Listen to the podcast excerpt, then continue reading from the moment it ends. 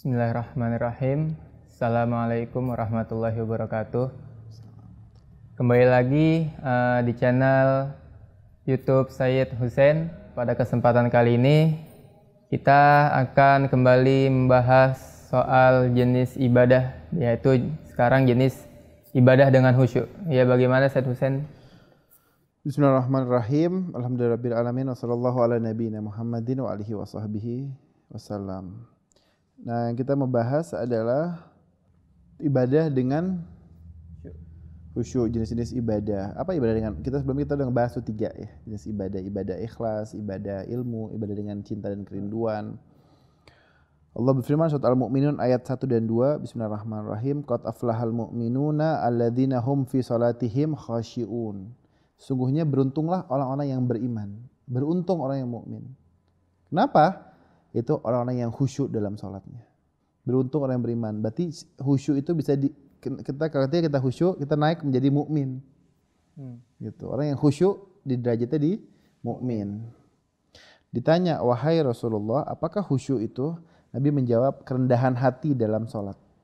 Rendah hati, bukan rendah diri ya. Dan hamba menghadap dengan seluruh hatinya pada Tuhannya. Jadi ada ikhlas, ada juga khusyuk. Bahwa menghadap seluruh hatinya menuju Tuhannya, menuju Allah. Rendah hati dan menghadap hatinya. Makna hadis dari Nabi, sholatlah pada waktunya. Dan sholatlah seakan itu adalah sholat per perpisahan. Sholatlah pada waktunya ketika waktu itu muncul, karena itu waktu waktu yang khusus kan, waktu fadilah yang benar-benar. Tapi apa? Dan seakan itu adalah sholat perpisahan. Gimana kita tahu abis saya sholat ini saya bakal ditebas, saya bakal dibunuh. Abis saya sholat saya bakal dipenggal misalnya. Pasti anda sholat anda khusyuk nggak? Khusyuk. Jelas. Ya. Makanya dia seakan-akan itu adalah suatu perpisahan Anda. Habis saat ini saya akan wafat, saya akan meninggal. Nabi berdoa dalam doanya, Allahumma inna na'udzubika min ilmin la yanfa wa min qalbin la yakhsha wa min nafsin la tashba wa min du'ain la yusma. Ya Allah, kami berlindung pada aku berlindung padamu ya Allah dari ilmu yang tidak bermanfaat.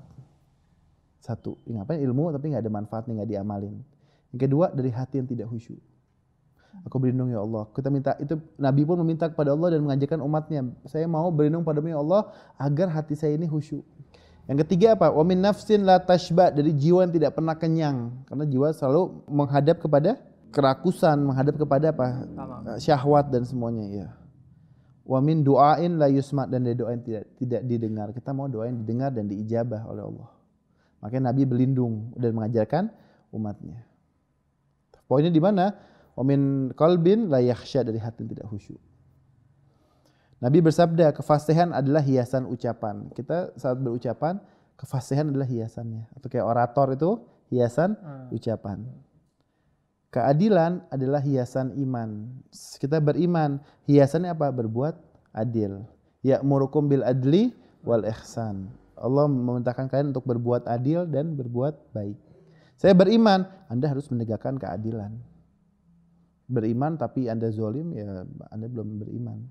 Maka hiasan dari iman adalah keadilan. Ketenangan adalah hiasan ibadah. Kita sudah beribadah, apa lahirnya? Ada ketenangan, ada mutmain. Ya yuhat, ya yuhan nafsul mutmainnah, wajib jiwa yang tenang. Itu karena dari ibadah, sudah menyembah Allah, sudah dengan dengan ikhlas dengan semuanya. Menjaga bukti adalah hiasan ilmu. Ilmu indah, agung hiasan adalah menjaga buktinya. Harus ada etika intelektual dalam menyampaikan ilmu. Nggak boleh ada yang ditutupi. Harus ada disiplin ilmu, harus ada diterapkan ilmu. Jadi menjaga buktinya. Oke, ini ilmunya. Bagaimana? Harus ada uh, rasionalnya, tekstualnya, historis dan semuanya. Relasi-relasi tersebut. Harus ada bukti argumentasi sekuat-kuatnya, harus juga ada sanat riwayat yang akurat. Kemudian kehusyuan adalah hiasan sholat. Jadi sholat hiasan sholatnya apa? Hmm, Khusyuk. Tadi ikhlas itu termasuk esensinya ikhlas, rindu, cinta, eh, apa ilmu dengan ilmu. Tapi kalau hiasannya khusyuk. Meninggalkan yang tidak penting adalah hiasan waro. Waro itu apa? Meninggalkan hal-hal yang tidak halal atau yang hal yang haram dan hal yang syubhat yang nggak jelas. Misalnya eh, hal-hal uh, waro misalnya ini saya tahu produk ini ini tidak halal. Ada yang bilang enggak ini halal misalnya itu kita sebutnya syubhat. Jadi kita dalam kaidah wara harus ditinggalkan. Meninggalkan hal-hal yang haram atau hal yang nggak jelas. Ini kita nggak jelas nih halal dan haramnya. Oh, itu itu samar-samar. Iya samar-samar. Makanya hiasan wara adalah meninggalkan yang tidak penting. Itu hiasan wara. Nabi bersabda, mendekatlah pada Allah dengan sujud, ruku, merendah dengan keagungannya dan khusyuk. Sesuatu mendekat pada Allah apa? Sujud dan ruku. Sujud ruku itu pendekatan pada Allah. Makanya sholat. Dan merendah dengan keagungannya. Merendah dengan keagungan Allah. Kita nggak ada. Without Allah, I am nothing. Dan dengan apa? Dengan khusyuk. Kita khusyuk kepada Allah. Tadi itu memusatkan semua hati kita untuk Tuhan, menuju Tuhan.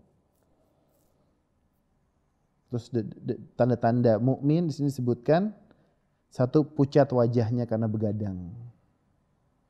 Bukan karena begadang terus nggak ngapa-ngapain, ya begadang dia ibadah, dia dia mungkin uh, sholat belajar. atau dia ya dia belajar, baca buku semua. Kempis perutnya karena puasa, kering mulutnya karena doa, karena ibadah, karena ngaji, karena berdoa. Keempat, dan mereka memiliki ciri-ciri orang-orang yang khusyuk. Dalam segala hal dia khusyuk, itu tanda orang mukmin. Ini empat ini tadi di antaranya apa? Khusyuk semua. Dalam satu satu satu masalah dia khusyuk. Dalam satu dia ada job apa pun kerjaan apa pun dia fokus dia khusyuk dia tekun. Makanya apa? Kita ini harus fokus. Kita harus khusyuk. Orang-orang selalu ngomong gitu motivator. Ini Nabi udah ngomong dari 14 abad yang lalu. Tanda-tanda orang mukmin dia fokus dia khusyuk. Saya mau gabung aja. Selain ibadah khusyuk ada juga ibadah dengan sembunyi-sembunyi. Allah SWT berfirman di surat Al-Maun ayat 4 sampai dengan 6, "Fawailul musallin alladzina hum an salatihim sahun alladzina hum yuraun yurauna." Maka kecelakaanlah bagi orang yang sholat. Celaka orang yang sholat. Kenapa? Orang yang lalai dari sholatnya, dia lalai. Jadi apa? Dia sholat tapi cuma diundur-undur waktunya. Lalai, gofil. Diremehkan. Apalagi nauzubillah hampir ditinggalkan dan dia apa? Orang-orang yang berbuat ria. Jadi apa? Sholatnya itu udah lalai, disepelekan, plus ingin dipuji sama orang ketika dia sholat. Dia mau tunjuk nih, sholat gue ini khusyuk, sholat gue pakai jubah, sholat saya pakai apa. Identik untuk menunjukkan kesucian atau keislamian diri. Itu dia oh, yang disebut. Makanya disuruh adalah ibadah dengan sembunyi, sembunyi. Rasul bersabda, sedekah sembunyi-sembunyi demi Allah lebih utama daripada sedekah terang-terangan. Emang Allah uh, menyebut dalam Al-Quran ada sirran wa alaniyah. Sirran secara rahasia maupun secara terang-terangan. Tapi terang-terangan baik, tapi sembunyi-sembunyi lebih baik untuk meninggalkan pujian orang atau kita sampai kita jadi ria dan lain hmm. sebagainya. Dan kita sombong. Iya. Begitu juga demi Allah ibadah yang tidak ditampakkan lebih utama daripada ditampakkan. Bukan diungkit-ungkit ya, ungkit-ungkit habis. Itu berarti ria. Nyebut-nyebut batal semuanya. Tapi ini apa?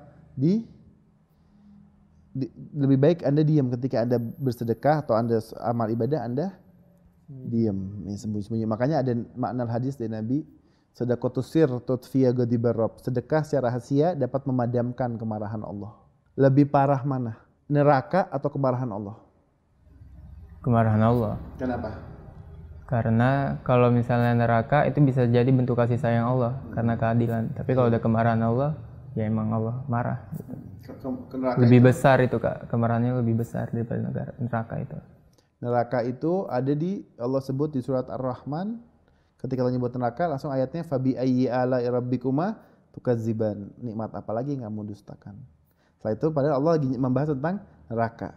Neraka simbol simbol rahmat Allah juga untuk menghukum orang-orang yang salah, orang yang jahat, orang-orang yang zolim dan lain sebagainya. Tapi kalau kemarahan Allah, Allahnya murka. Makanya lebih besar mana sorga atau kerelaan Tuhan? Kerelaan Allah. Makanya waridwanullahi akbar dan karena hmm. Allah itu yang paling, paling besar. besar.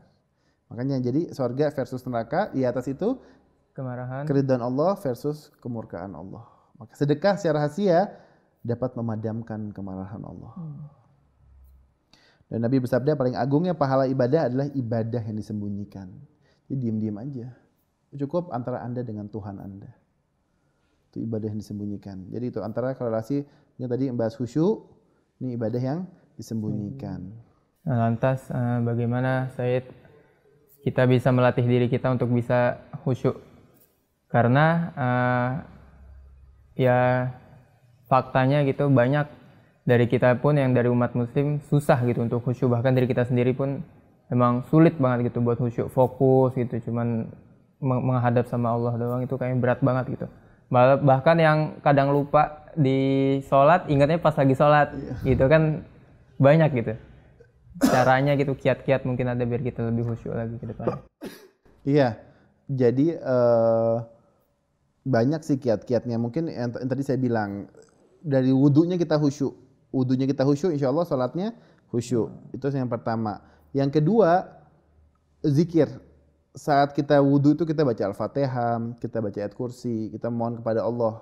Misalnya contoh gini, saya masuk satu rumah, di sini ada gonggongan anjing Gimana supaya si anjing ini tidak ganggu saya? Caranya bagaimana? Dikasih makan, nggak makan mau. Kita lari, bakal dikejar. Tapi panggil tuan rumahnya, wahai fulan, tolonglah saya ini dari anjing. Sama, wahai Allah, aku berlindung padamu dari setan. Dari godaannya dan semuanya. Baca Al-Falak, baca An-Nas, baca surat Al-Ikhlas, baca semua surat-surat, kita berlindung pada Allah. Dari wudhunya khusyuk, insya Allah salatnya khusyuk gitu. Hadirkan dengan suasana yang tenang. Makanya cara yang sepi itu juga termasuk. Makanya ada meditasi ada yoga itu apa? Untuk orang supaya khusyuk fokus tempat yang sepi dan hening. Tapi nanti kalau orang su sudah terbiasa dengan khusyuk mau ramai ada gempa bumi atau dapat tetap dia khusyuk. Nah. karena sudah terbiasa. Bisa karena biasa, biasa gitu sembunyi-sembunyi apa pun ibadah selain mungkin sholat orang kan itu wajib tapi selain itu apa kita sembunyikan khususnya sedekah Kecuali apa? Boleh nggak kita terang-terangan kita ngajak-ngajak orang misalnya? Boleh untuk sebagai pelajaran. Jangan sampai itu jadi kita ujub atau ria hmm. atau kita sombong, takabur atau pamrih dan lain sebagainya. Mungkin juga nggak boleh. Ya jelas abis kalau abis, mungkin. mungkin. mungkin. Ya. Itu kali kajian yang kita bisa bahas tentang bab ibadah. Ya. Jadi kesimpulannya yang saya mau sampaikan ibadah satu ibadah dengan cinta. Bukan dengan kerinduan, bukan dengan hajat atau kewajiban. Yang kedua ibadah dengan ilmu itu harus nomor satu kita harus garis bawahi ibadah dengan ilmu. Kita tahu dulu baru kita laku.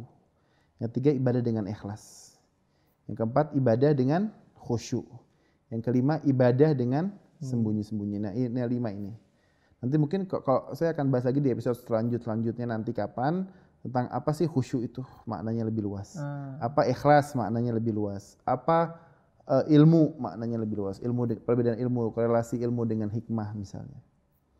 Tapi ibadah itu kita harus kita harus jadikan lima ini. Kalau kita memperoleh hal-hal yang indah dari Allah dan memperoleh kerelaan Allah dan surga. Itu kajian kita. Baiklah, nah terima kasih pada Said Hussein yang sudah memberikan penjelasan yang cukup gamblang ya tentang ibadah, jenis-jenis ibadah bagaimana dan bagaimana kita harus melaksanakan ibadah itu sendiri. Baiklah, uh, kepada pemirsa yang ingin bertanya, silahkan mengisi kolom komentar di bawah ini. Dan jangan lupa untuk like, share, and subscribe. Terima kasih. Assalamualaikum warahmatullahi wabarakatuh.